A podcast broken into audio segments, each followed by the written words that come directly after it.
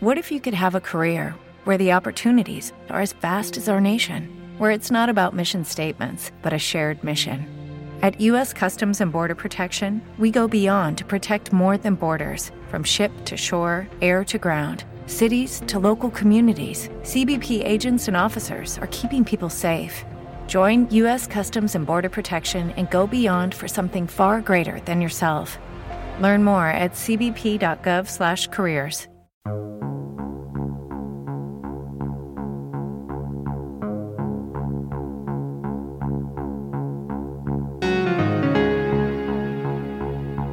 Todos pensamos que somos do noso pai e da nosa nai, que somos diferentes especiais. Pero cando nos juntamos nun grupo de persoas, acabamos comportándonos seguindo determinados patróns.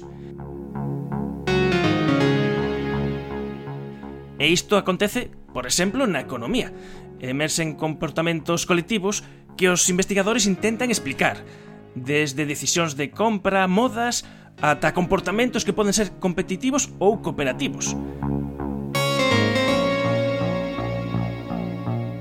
A pregunta do millón é se podemos simular estes comportamentos humanos. E máis aínda, no mundo actual no que as persoas estamos hiperconectadas. Anxo Sánchez, moi boas tardes. Moi boas tardes. Anxo Sánchez é catedrático de Matemática Aplicada no Grupo Interdisciplinar de Sistemas Complexos da Universidade Carlos III e ademais é o coordinador do proxecto europeo Ipsen. É posible eh, simular o comportamento dos individuos cando nos juntamos? Home, sería unha utopía pensar que podemos predecir o que vamos facer cada un de nós, pero se si pensamos no que vai facer en media o grupo ou ou dúas ou tres eh, modalidades de comportamento, pois nós pensamos que eso sí que se ten que poder predecir. Despois, se si eu exactamente eu vou facer tal cosa concreta, pois xa pode ser máis eh, complicado, pero o promedio creo que pode ser unha cousa predicible. Eh, precisamente nese sentido eh, lanzastes o proxecto Ipsen, que é un proxecto europeo do Horizonte 2020 eh, coordinado eh, por vos. O proxecto chamase Tendendo pontes de comportamento individual o homo sociotecnolóxico. Que pretende, que quere facer este proxecto Ibsen? Pois este proxecto quere eh, levar o que se ven facendo en economía experimental eh, en psicología social de facer experimentos para ver como se comporta a xente en pequenos laboratorios, eh, normalmente con estudantes de universidade, a, eh, grupos moito máis grandes no que haxa xente de todos os tipos. O, o punto de partida do proxecto é pensar e creemos que temos razóns para pensalo, que eh, o comportamento da xente en un grupo grande non ten por que ser como o do grupo pequeno eh, o socio tecnolóxico porque hoxe estamos neste mundo conectado no que todo o mundo ten centenares de amigos en Facebook, eh, centenares de seguidores en Twitter, polo menos, entón pensamos que esas interaccións sociais poden dar comportamentos que non se están vendo nos laboratorios convencionais.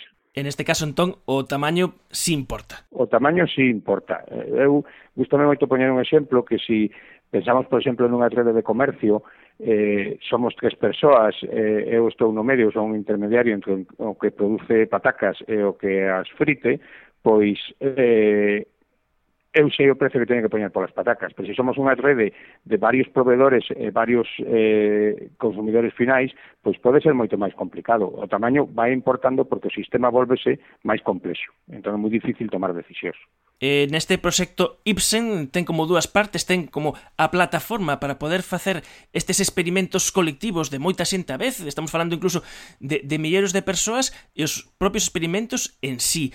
Pero eh, xa hai outras eh, experiencias de facer experimentos colectivos con moita xente que ten de especial Ibsen. Pois Ibsen, primeiro de todo, a plataforma vai ser unha plataforma aberta, é dicir, estamos no espírito da ciencia aberta, da ciencia cidadana, Entón, cando estea rematada de facer, pois poremos a disposición de todos os investigadores para que a usen para facer os seus experimentos e eh, incluso poderían facelo usando voluntarios do noso, do noso proxecto.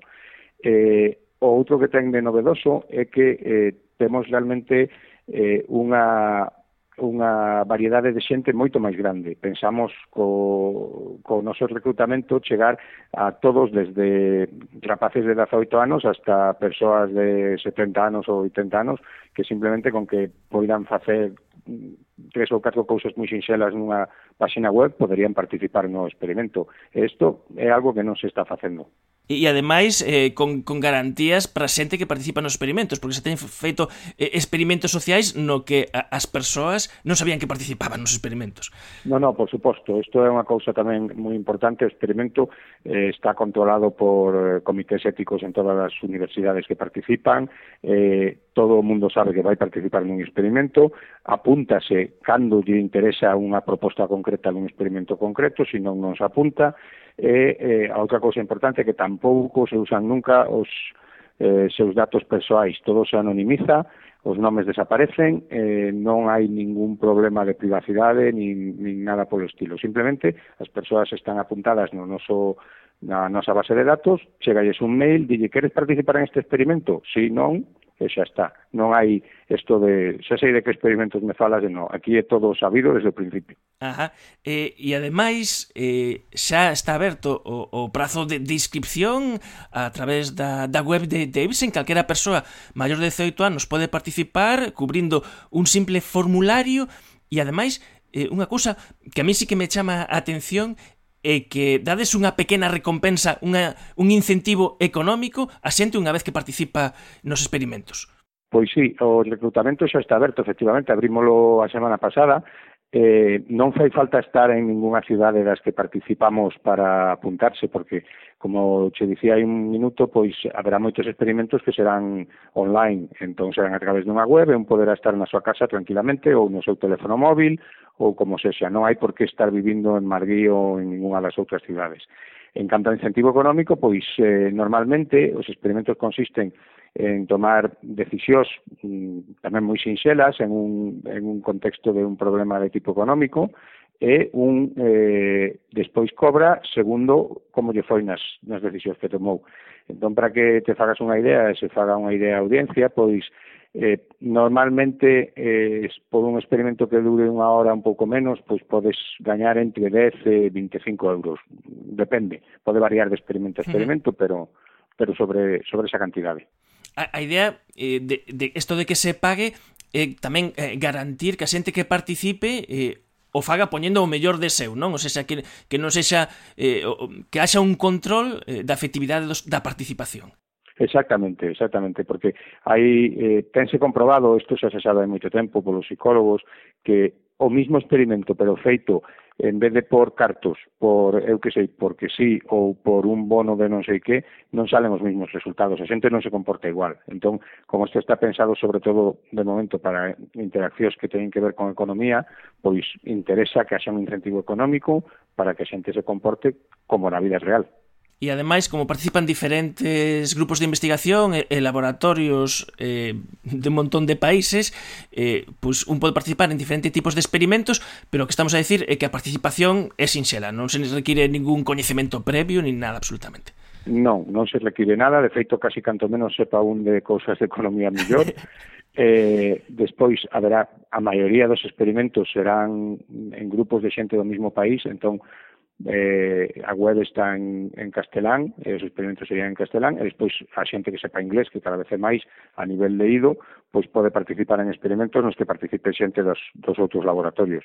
O único que pode facer falta é eso, para algún experimento concreto que haxa unha mestura de xente de distintos países, saber eh, ler inglés, pero polo demais, nada máis eh, para poder eh, eh montar eh, este proxecto que ten financiamento europeo do programa eh, 2020 isto eh, a convocatoria exixe proxectos que teñan un alto contido de risco de, de novidade como é o caso voso, non?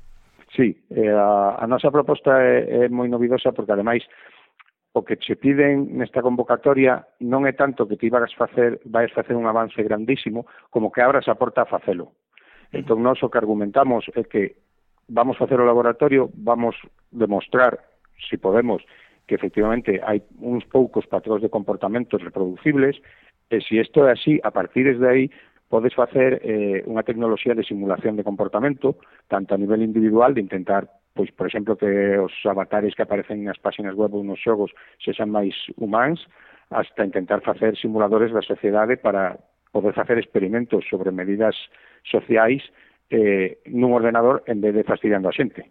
Eh, a verdade é que, que, que, que sí é ambicioso conseguir simular o noso o comportamento colectivo eh, grazas a estas experiencias na que van participar eh, simultaneamente, bueno, ata canta xente pensades que poden participar a vez? Bueno, nos fixemos hai uns poucos anos un experimento no que xa participaron máis de 1.200 persoas pero foi un pouco, eh, por dicirlo así, pedestre, porque montamos todo expresamente para eso.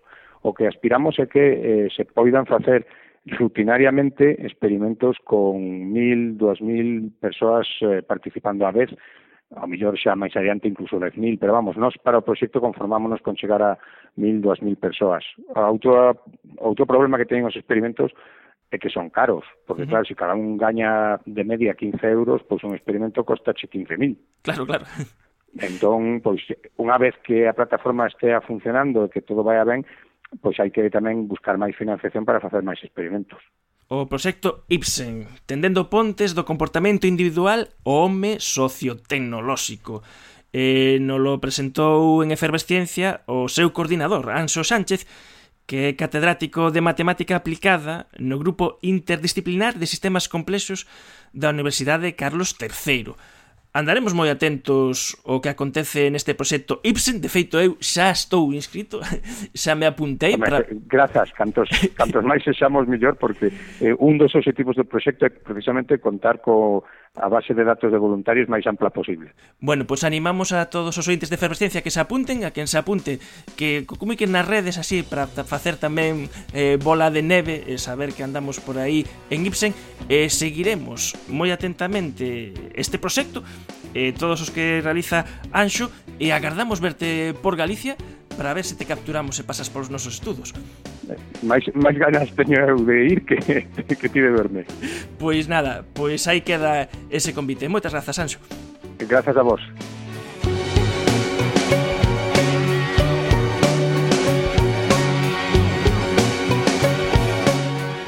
¿Pretende que creamos que apuñalaron al viejo con una navaja exactamente igual? Eso no tiene sentido. Es posible. Es muy poco probable. Sentémonos, por favor. Es absurdo que sigamos hablando de pie. Qué manera de perder el tiempo. Es interesante que haya encontrado una navaja igual que la del muchacho. ¿Qué tiene de interesante? ¿Una coincidencia? No sé, a mí me parece interesante. Somos once los que pensamos que es culpable. Exacto. ¿Qué cree haber conseguido? No nos hará cambiar de opinión.